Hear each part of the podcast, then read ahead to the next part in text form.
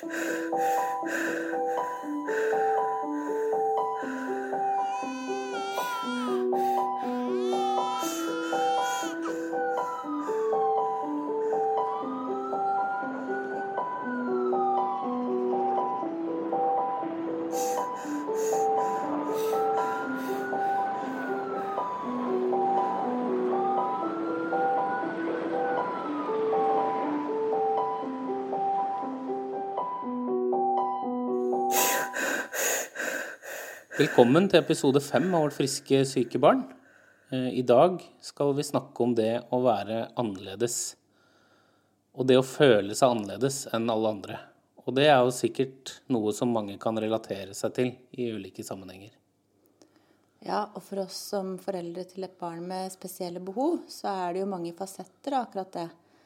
Vi føler jo at vi som familie er annerledes. Og det var jo en følelse som etablerte seg ganske tidlig. Mm. Etter alle anfall og på en måte alt som skjedde med diagnoser og mistanker og alt det, så ble det fort en eh, dominerende følelse da, at Karoline ikke var som andre barn. Og samtidig som eh, både du og jeg følte på det med annerledeshet i forhold til Karoline, så er det jo også noe med det med samfunnets forventninger. Eh, du har så mange forestillinger i hodet om hvordan det skal bli, og så blir det ikke sånn. Og da føler man seg annerledes. Det er vel også egentlig noe de fleste kan relatere seg til. Altså streber vi ikke litt etter det alle sammen, å passe inn? Um, være som alle andre og ikke skille seg ut? Jo, det har du nok rett i. Um, og i dag er det jo en dag vi føler ekstra på annerledesheten. Karoline har bursdag i dag. Hun fyller 15 år. Uh, og det er en dag som for oss uh, forsterker følelsen, da, å ikke være som Eller å ha, ikke ha det som alle andre. Ja, for oss personlig Jeg, jeg smiler jo når vi på en måte snakker om det, at det er Karolines bursdag. Men eh, samtidig så er nok bursdagen hennes en av de vanskeligste dagene. Det er en av de dagene hvor vi liksom hvert år blir minna på og føler veldig på den annerledesheten, da. Mm. Så normalt sett så er det jo masse glede med bursdag. Eh, og opp igjennom åra fra barna er små, så er det ønskelister og barnebursdager og masse forventninger. Det liksom bare lyser i øya til barna. Det er så mye forventning, da. Eh, og du sjøl òg. Du kan liksom ikke vente med å kjøpe gava som står øverst på ønskelista. Ja, og det når vi voksne står opp tidlig da, på morgenen, ordner eh, et lys, et kakestykke Eh, sniker oss inn på rommet med ballonger og synger bursdagssang. og Det liksom, ja, det er som du sier, da, det lyser i øya deres. Mm. Og sånn har det jo i hvert fall vært i småbarnstiden til Karolines søsken. Eh, men det har jo ikke vært helt det samme med Karoline. Karoline vet jo ikke at hun har bursdag. Og hun har egentlig ikke noe forhold til bursdag. Hun har ingen ønskelister og ingen venner som skal komme og inviteres for å feire. Og for henne så er det en hvilken som helst dag. Og det gjør egentlig ganske vondt. Ja, det gjør det. Og så har jo bursdagene opp gjennom årene blitt en slags forsterker, da. Karoline eh, har jo aldri vært utviklingsmessig der hvor andre barn er. Og da blir man liksom, liksom ekstra minna på det. Eh, og på en sånn dag så forholder jeg meg til det i større grad, da. I tankene mine. Det gjør sikkert du også. Mm. Så prøver vi å gjøre litt ut av dagen med tanke på at det skal være litt ekstra for Karoline. Eh, og vi har jo senka våre egne forventninger til bursdagene til Karoline. Ja, det har vi jo. Men, men, det er likevel Når dagen er over, så blei liksom ikke dagen sånn som vi hadde håpa på, da. Kanskje hun har hatt en dårlig dag. Eh, at det er mye uro, gråt, utagering. Lite smil, da. Og vi liksom bare veit ut fra dagsformen at dette var ikke kvalitetstid for henne heller. Eh, når vi var sammen. Og det er jo vondt. Det er jo bursdagen hennes. Men for Karoline så er jo de beste dagene er jo de dagene der ikke noe er ja, annerledes da, enn de andre dagene i løpet av et år. Og som vi har vært inne på tidligere, så er hun jo avhengig av rutiner og forutsigbarhet. Og da nytter det liksom ikke å komme inn med sang og fyrverkeri og ballonger. da er det favoritten, eh, favorittmiddagen til Karoline. Eh, og kanskje en ekstra melkerull til dessert. Det er jo det beste Karoline veit. Eh, det er liksom det som gjelder den dagen, da. Og så må man bare innse at den gava man har kjøpt, kanskje ikke er av interesse i det hele tatt. Eh, bare blir kasta vekk. Og at kanskje det er gavebåndet som er mer spennende å tygge på enn å faktisk åpne gava. Så egne ønsker og behov på vegne av barnet, da, det må du jo bare skyve til side. Og sånn som f.eks. familiebursdag, det er jo ikke noe Karoline får noen glede av, egentlig. Mm. Jeg kjenner jo på det når du sier at, at det kjennes litt vondt, da. Spesielt det du det du sier med, med, å gi en gave, da. Jeg syns det er skikkelig trist, liksom. At jeg som pappa ikke kan Jeg kan ikke gi henne en gave som hun har forventninger til å bli glad for, da. Um, eller det å noe så enkelt som å kunne gratulere henne med dagen, da. Og vite at det forstår hun faktisk. Men, men vi prøver å gjøre litt ekstra på, på, bursdagen hennes. Men helt og holdent på hennes premisser, da. Mm. Og så har jeg på en måte lyst til å prøve å visualisere det her litt, da. For vi sier jo og har sagt før at Karoline på en måte står stille. Eh, og jeg har lyst til å prøve å hjelpe til med å skape en liten forståelse av det. Så hvis du som hører på, da blir med på en liten øvelse nå og tar fram et eh, ark og en penn, og så ønsker vi at du skal tegne en spiral på det arket fra innerst til ytterst. Og når du har gjort det, så skal du se for deg på en måte at småbarnstiden er helt innerst i spiralen. Eh, og forteller Spiralen forteller på en måte hvor nærme vi som foreldre må være barnet. Og så blir man mindre og mindre deltakende i sitt barns liv utover i spiralen. For da klarer de seg jo mer og mer. Mm. Og for de som hører på og som er foreldre, da, så kan de jo se tilbake. Eh, de første månedene og åra så var det jo tett på. Og så etter hvert så blir barnet mindre og mindre avhengig av deg og klarer seg mer og mer selv. Mens vi med Karoline, da, vi kom aldri videre fra de aller første pennestrøkka innerst i, i, spiralen. Vi ble værende der, helt innerst inne i, i småbarnstida, da. For Karoline er jo på en måte en ettåring i dag i en 15 år gammel kropp, da. Mm. Så er det jo sånn, da, at Karoline hun bor jo faktisk ikke hjemme lenger. Nei. Og det er jo noe vi skal snakke mye mer om i, i senere episoder. Eh, og Karoline har jo heller ikke noe språk. Eh, det har vi vært inne på tidligere. Men vi snakker jo med Karoline og til Karoline. Mm. Så i dag, da, så tenkte vi faktisk å ta dere med inn i Karolines liv. Vi har vært på besøk på avlastning med mikrofon. Ja. Så her får du høre en annerledes familie.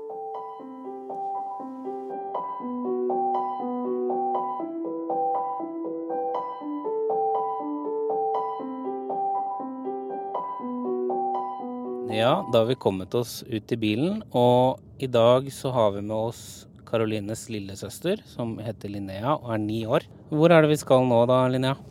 Til Austjord. Og hva er det vi skal der? Besøke søster. Det blir hyggelig. Da får vi se åssen humøret er i dag, da. Ja. Er du litt spent på det? Ja. Hei, Karoline. Hallo. Hei. Åssen er du i dag, da?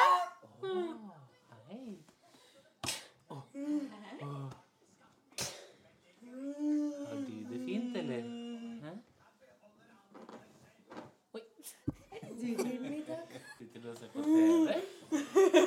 Ja.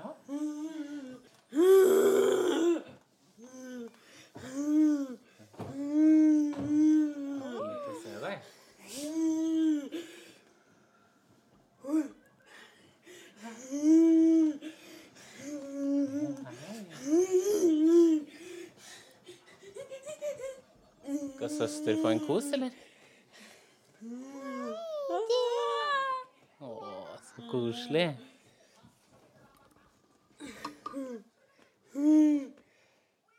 Skal pappa få kos, da? Pappa få kos?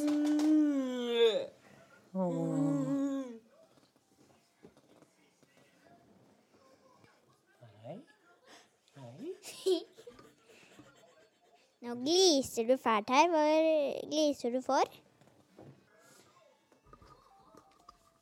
Fint å se deg, altså. Hæ? Har du det bra? Oh, oh. Kos. Tusen takk.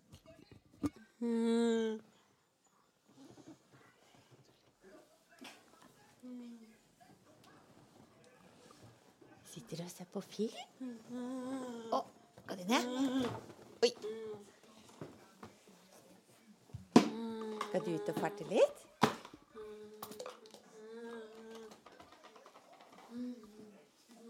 Har du fått litt sjokolade? Var det godt? Ja, var det godt med sjokolade?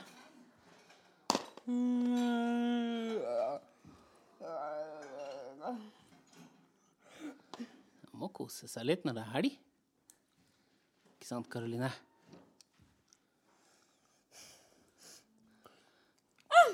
Ja. Var det fint å se deg? Ja.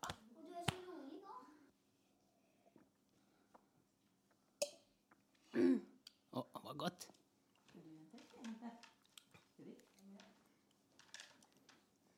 Å, nam-nam med sjokolade.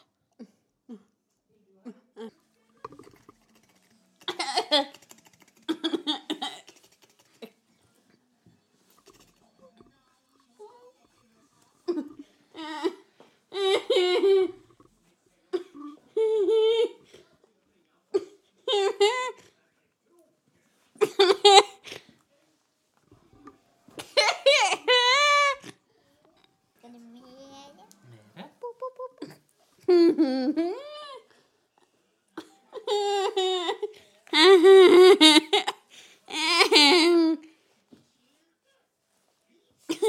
Kiler det søster? Ja. Ikke kid. Er du på ballrommet, Karoline? Ville du hit, du, da?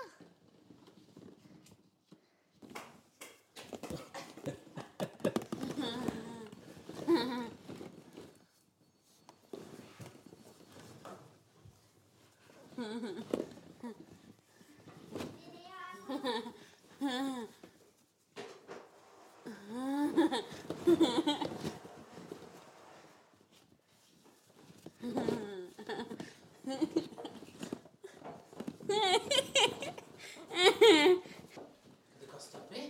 Oi,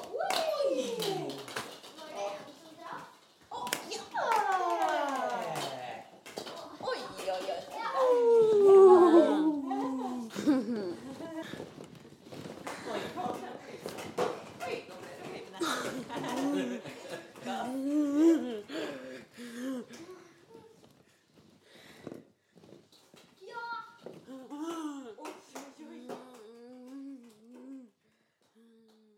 Da har vi vært på besøk hos Karoline, og så er vi på vei til bilen igjen. Var det koselig å besøke søster i dag? Ja. Hva er det hun gjorde for noe? Hun eh, var på rommet sitt, og så gikk hun for å finne seg sjokolade. Og så skulle hun på rommet igjen, og så viste vi ballebingen-tegnet. Og da gikk hun på ballrommet. Og da fikk vi en jobb. Det var et koselig besøk. Ja.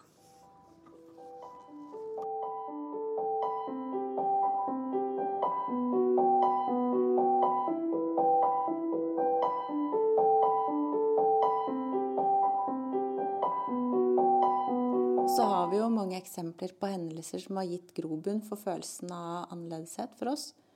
Karoline gikk jo f.eks. alle sine år i barnehagen på småbarnsavdeling. Og det er vondt å se at andre barn og foreldre forsvinner videre, og så ble vi bare stående på samme sted. Du følger ikke de samme foreldra videre, og det kommer nye foreldre inn som du på en måte føler du må gi en forklaring til. da. Du kan nesten kjenne de spørrende blikkene på kroppen. Ja, og så er det jo Det er lett å glemme nå, for det er så mange år siden. Men det, det var jo ikke bare å leie Karoline inn i barnehagen med en sekk på ryggen. Nei. Eh, Og, og du føler deg litt ekstra annerledes, da. Der du står og lemper hjelpemidler inn og ut av bilen. eh, Og i alle år måtte bære eh, Karoline inn og ut fra barnehagen fordi hun ikke kunne gå. Selv det siste året, liksom. Og så etter barnehagetida så kom jo en stor dag for både ja, voksne og barn med første skoledag. Og det jo ble jo annerledes for oss. Ja. Det blei jo bestemt at Karoline ikke kom til å ha noe utbytte av vanlig skolegang. Eh, Så hun har jo sitt skoletilbud på avlastninga. Jeg kan jo se når jeg ser på bildene, jeg var veldig opptatt av å ta bilder med Karoline første skoledag, Mm. så kan jeg jo se på bildene av meg hvordan jeg har det. Hvor, hvor tøft og vanskelig det er, da. Eh, Og det er, det er et fantastisk sted der hun er, og der hun går, og det tilbudet er på Austor er ja, top notch, eh, men allikevel Det var den følelsen av å være annerledes, da. den var veldig sterk den dagen. Og jeg husker inni hodet mitt da, så var noe av det viktigste å få det derre første skoledag-bildet. Men når du står oppi det, så er det jo Du kjører jo til en institusjon, eh, ikke sant. Det er jo ikke en klasse, det er, det er noen få elever. Så det var spesielt. Men der skal de ha mye ros, da. Ja, Fordi for all del. så nok hvor vanskelig den situasjonen var for oss, og la til rette for at eh, den dagen skulle bli så normal som mulig, da. I den grad det kunne bli det. Og at vi blei inkludert. Mm. Der var de helt fantastiske. Men følelsen vi hadde, var jo at vi var annerledes. Det var en såre dag. Så i den tida vi var i da, så blei jo det en slags daglig påminner da, om, om på at alle rundt er normale og har friske barn, mens vi er annerledes. Barnet mitt er ikke som barnet ditt, og, og vi er på en måte ikke som alle andre. Da. Og så er det jo sånn at Karoline så jo ikke så annerledes ut i de tidlige barneåra. Så det var jo vanskelig å ta med seg Karoline ut på noe. For hun, når hun begynte å gråte, så fikk vi ikke roa det. Og sett utenfra da, så kunne det jo se ganske håpløst ut. Eller altså, vi følte i hvert fall at det ville se håpløst ut, da. Litt sånn Se, de klarer ikke å roe ned ungen sin. Eller se, for en trassete unge som ikke slutter å skrike. Mm, da, da går du litt på akkord igjen med de forventningene som du føler da, i samfunnet. Og så husker jeg veldig godt den 17. mai. Vi var på et eh, felles arrangement på skolen med Caroline og storebror. Og Karoline sitter jo i vogna og skriker og skriker og skriker. Og så husker jeg det kommer en dame bort, og så sier hun liksom litt sånn til Karoline, da. Stakkar, hun vil sikkert ut og leke med de andre. Vet ikke om du husker det? Jeg husker det veldig godt. Og vi forstår jo det at det var ikke vondt ment. Men akkurat der og da så hadde jeg egentlig bare lyst til å ta med meg ungen og løpe hjem for å gråte litt sjøl, da. Og vi, vi, vi tok jo på en måte mot oss da, eh, i den situasjonen der, og tok med Karoline i en offentlig situasjon som vi egentlig innerst inne visste hvordan kom til å gå. Men vi prøvde jo, og, og man gjør jo det for å passe inn og for, og for søsken. Og damen jeg snakka om, hun visste jo ikke at Karoline ikke kunne fordra store folkemengder og bråk. Og, og hun visste jo i hvert fall ikke at Karoline er jo ikke i stand til å leke, eller det faktum at hun faktisk ikke kan forflytte seg på egen hånd engang. Og det her eh, føltes i hvert fall for oss som en stor utfordring de første åra. Eh, det var ikke synlig for andre at Karoline var annerledes, men vi visste det jo. Eh, og da kjente vi veldig på det. Eh, så man prøver jo, og prøver å kjempe seg inn i normalen. Men etter det så har jo også 17. mai da, blitt en av de vanskelige dagene. Ja. 17. mai, bursdag, jul og delvis helger og ferier ble jo triggere for den der annerledesfølelsen. Ja, for det er, det er jo litt tøft da, å sitte hjemme i sitt eget hus helg etter helg etter helg. Og så er det litt med det som vi har vært inne på før, og det samfunnet vi lever i i dag, så får du på en måte alle andres liv rett i trynet, hvis jeg kan si det på den måten. da. Med fare for å høres veldig bitter ut. Men, men det å, å se verden utenfor, da, gjennom eksempelvis sosiale medier, og se alt du skulle ønske at vi kunne gjøre, litt som vi har snakka om før, med de drømmene som, som krasjlander, da. Det, det gjør jo faktisk noe med deg. Og jeg har jo kjent på, mye på det at uh, terskelen for å ta steg ut har føltes ganske uoverkommelig. Uh, og i mange situasjoner har det ikke vært mulig.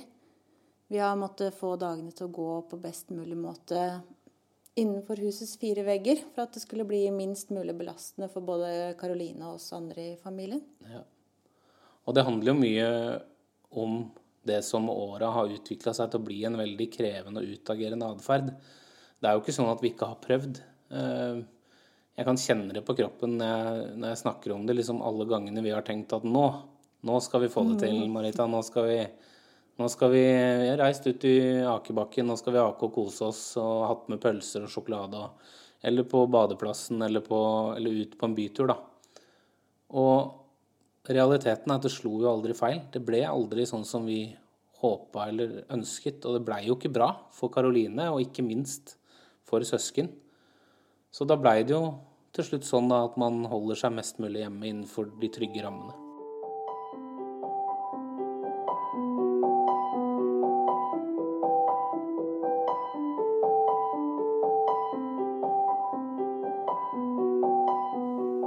Og på samme måte så har det prega vår anledning til å delta i storfamilie. Mm. Bursdager og andre sånne sammenkomster. Um, og det òg gjør jo vondt. At man føler at man ikke stiller opp. Altså at du ikke deltar på lik linje med alle, og i den grad man egentlig innerst inne ønsker, da. Rett og slett at du bare må si nei. Og det er jo faktisk ganske krevende sånn personlig. Jeg har kjent veldig på det. I meg sjøl, liksom, og forsvare det at man ikke deltar. For vi skal jo delta. Det er jo det som er normalt. Mm. Men så etter noen år med Karoline, så tror jeg nok kanskje sånn ubevisst at vi gikk en runde med oss sjøl og rett og slett sa til oss sjøl at nå, nå, tar vi det valget, og det er basert på Karolines og våres behov. Så dessverre, nei, vi kan ikke komme. Og så på en måte sto i det. Sånn er det bare. Og så er det jo selvfølgelig samtidig vondt da, at det sårer noen. Men for å klare å stå i det, så måtte vi på en eller annen måte forankre det i oss sjøl. Og det har vært enormt frustrerende og ensomt. Det å føle på at ingen forstår. Men vi forsto det jo egentlig ikke sjøl heller, så da er det jo ikke mulig å forklare det heller. Det er liksom lettere i dag da, å si 'hei, sånn var det for oss', enn det det var å si det samme for sju år siden. Ja, Det syns jeg er en veldig god refleksjon. Det kjenner jeg meg faktisk veldig godt igjen i. Så har jeg kjent en del på, da, som vi har vært innom i, i tidligere episoder, og det er rett og slett en, en slags skam. Liksom du, du, lurer på hva andre tenker og mener om oss da, og vår situasjon. Den følelsen, du får den følelsen at det er noe feil med deg. Du har liksom fått et barn som ikke er friskt. Og det har vært uh, utrolig vanskelig. Mm. Jeg tok uh, i mange år på meg en uh, fiktiv rustning hver gang jeg gikk utafor døra. og det var rett og slett bare for å beskytte meg selv. Eh, men jeg visste jo innerst inne at det gjorde at jeg fremsto hard og, og, kanskje til og med litt arrogant. Men jeg hadde bare ikke krefter til å la de meningene som jeg tilla andre, komme inn under huden på meg, da. Nei, I perspektiv så tror jeg nok både følelsen av annerledeshet og skammen jeg har følt, da, har endra meg litt som person. Jeg husker godt en episode for noen år tilbake, så sa svigerfar at du er liksom litt annerledes. Uten at jeg tenker at han mente noe negativt med det. Men jeg har tenkt mye på akkurat det han sa der. Og jeg tror det går litt på Jeg er jo egentlig veldig utadvendt, og i de periodene her hvor ting har vært tøft, så har jeg kanskje hatt en slags rustning, jeg òg. Eh, vært mer, vært mer inneslutta, da. Og, og liksom gått litt med det inni meg. Og så er det jo ferier som egentlig skal være et positivt samlingspunkt for hele familien. Og der blir det jo også annerledes for oss. Ja, det, det blir annerledes og veldig følsomt. Det er på en måte Når vi har vært på ferier med bror og, og søster da, uten Karoline, og også sammen med andre familier, så, så har jo de med seg alle barna. Mens vi mangla på en måte et familiemedlem, da. Det, og det holder å se en annen familie i en familiepark, f.eks. to voksne og tre barn så kan det bare slå meg rett i bakken. Jeg kan plutselig få en sånn jeg har skikkelig vond følelse i magen og rett og slett tårer i øya, da, fordi det gjør bare vondt. For Karoline er jo på avlastning. Eh, og oftest er det praktisk umulig å, å reise sammen. Eh, og så blir det en viktig prioritering for å gi søsken da, den kvalitetstiden de, de trenger. At vi er 100 til stede for de, for det er også viktig. Og klart, nå snakker vi om det på en enkel måte, men, men de, de avgjørelsene vi har tatt da, om å si at ok, nå reiser vi på en to ukers ferie, og Karoline er på avlastning, det har jo vært vanskelige og vonde valg. Men så tror jeg vi etter hvert, altså i hvert fall sånn stort sett, da, har lært oss å leve med at Karoline er annerledes, og at vi er en litt annerledes familie. Mm. Vi har i stor grad lært oss å akseptere det, da. Lært oss å leve med det, som du sier. At livet blei annerledes enn forventa. Og, og mye av det har vi jo håndtert, og håndterer fortsatt, i en, i en sorg som på en måte ligger der og er konstant, da. Og som alltid vil ligge der. Men så er det noen dager den sorgen er, er mer til stede enn andre, da. Men så må vi jo si at vi kjenner jo også på veldig mye glede. Ja. Kanskje for de litt mindre tinga, da. Eh, Det er mye glede og mange seire i det å ha et annerledes barn. Eh, Det er ikke så store hendelsene eller situasjoner som skal til før det skaper en sånn helt enormt stor glede eh, og gode følelser. Og Karoline har fått så masse jubelbrøl og klapp for ting som andre bare tar for gitt, da. Men som for oss har vært store skritt. Ja, det har jo vært veldig små ting. Altså som å trykke på en knapp på en leke, eller Ja, det å reise seg, da. Det er klart det er stort for alle. Men, men det blir på en måte noe helt annet da når det skjer når du er tre-fire år. Eller når du tar det første skrittet når du er seks-sju. Så får du jo en, en helt annen dimensjon, da. Så det er jo ikke tvil om at Karoline på utrolig mange måter har berika livet, da.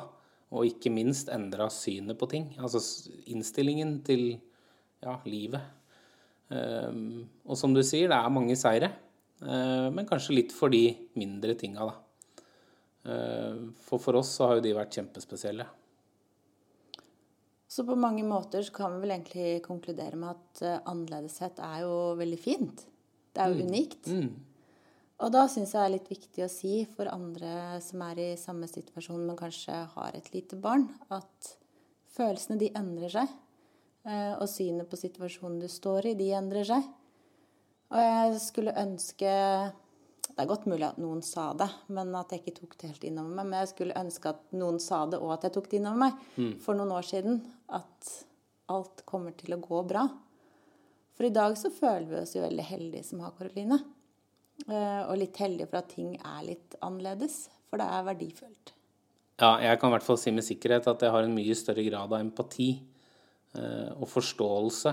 Eh, et litt annet syn da, på andre mennesker enn jeg hadde før jeg fikk Karoline. Eh, og det er på en måte litt sånn at alle har sitt, og det er ikke alt som syns. Alle har sine ting. Det er ikke alt du ser som nødvendigvis er sånn som du tror. Og så er det en ting til jeg også har lyst til å si, da, som jeg syns er litt viktig å få fram. At det er jo, det er jo ikke synd på oss. Nei, nei, nei. Eh, Det er litt som vi har sagt før, at eh, på veldig mange måter er Karoline en berikelse. Og så er det som jeg sa til en kompis en gang, det husker jeg veldig godt. Han ringte meg. eh, Han hadde en datter som hadde feber. Hun var sju-åtte år. Og han var kjempestressa, og det var sykdom. Og, og så fortalte han meg det her, da satt jeg og lytta til han, så sier han plutselig nei, du, det der kan, det, jeg kan ikke si det til deg. Sorry, bare glem det, liksom. Eh, Med alt det du sliter med, så blir dette bare peanuts.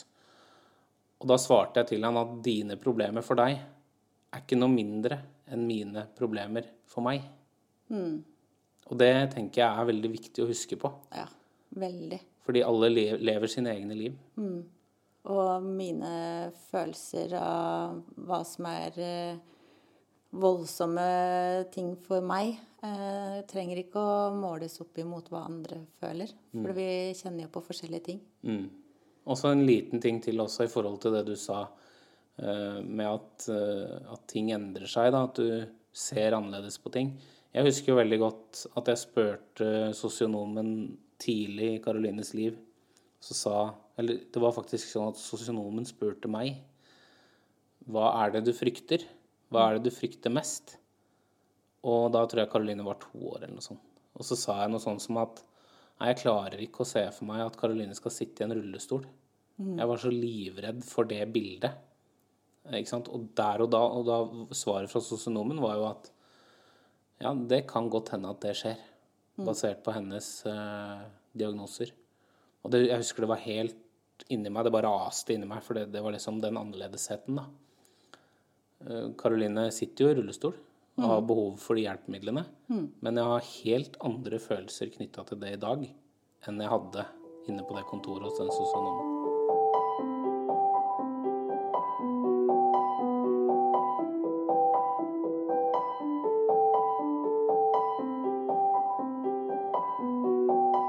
Men helt avslutningsvis da, Marita, så har vi lyst til å komme med en, eh, en liten oppfordring. For nå har du på en måte kommet med noen gode råd til de som kanskje befinner seg litt tidligere i løpet, men i noenlunde samme situasjon som vi har vært i. Og oppfordringen er egentlig til alle dere som kjenner noen som har barn med spesielle behov. Og budskapet er ikke vær redd. Det vil si, det er helt greit å være redd og usikker på hvordan du skal møte familien, og ikke minst dette barnet. Men ikke meld deg ut. Ikke dropp besøket fordi det er vanskelig. Eller unnlat å spørre hvordan det går fordi du er usikker på hvilke råd skal jeg gi, eller hvordan skal jeg veilede. For det eneste du bidrar til da, er egentlig nettopp annerledeshet, ensomhet og følelsen av skam. Og de menneskene her som står i så krevende omsorgsoppgaver, de orker nok antageligvis ikke å kontakte deg. Men det betyr jo ikke at de ikke vil. De trenger noen, men veit antageligvis ikke selv engang. Eh, og for deg som velger å ta kontakt og initiativ, så vil du kanskje på personlig plan, uten å føle deg komfortabel og trygg, allikevel utvikle deg som menneske selv, da. Ja, og det er vår oppfordring. Bare vær der. Bry deg. Mm. Og i dag, Marita, til en forandring, så skal vi faktisk ikke opplyse hva neste episode skal handle om. Eh, vi har jo en plan for hvordan fremtidige episoder forløper. Men så ønsker vi nå da samtidig å høre litt fra dere som velger å høre på oss. Det sier vi tusen, tusen takk til. Men er det noe dere er opptatt av? Er det noen av dere som lytter, som har et spesielt tema som, som dere ønsker at vi belyser? Eller kanskje det til og med er noen spørsmål da, som dere som hører på, sitter med. Så send oss gjerne en melding på Facebook-siden eh, Vårt friske syke barn om det er noe dere har noen tanker rundt på det her. Da sier vi tusen takk til alle som lytter, da. Ja, tusen takk. Tusen takk.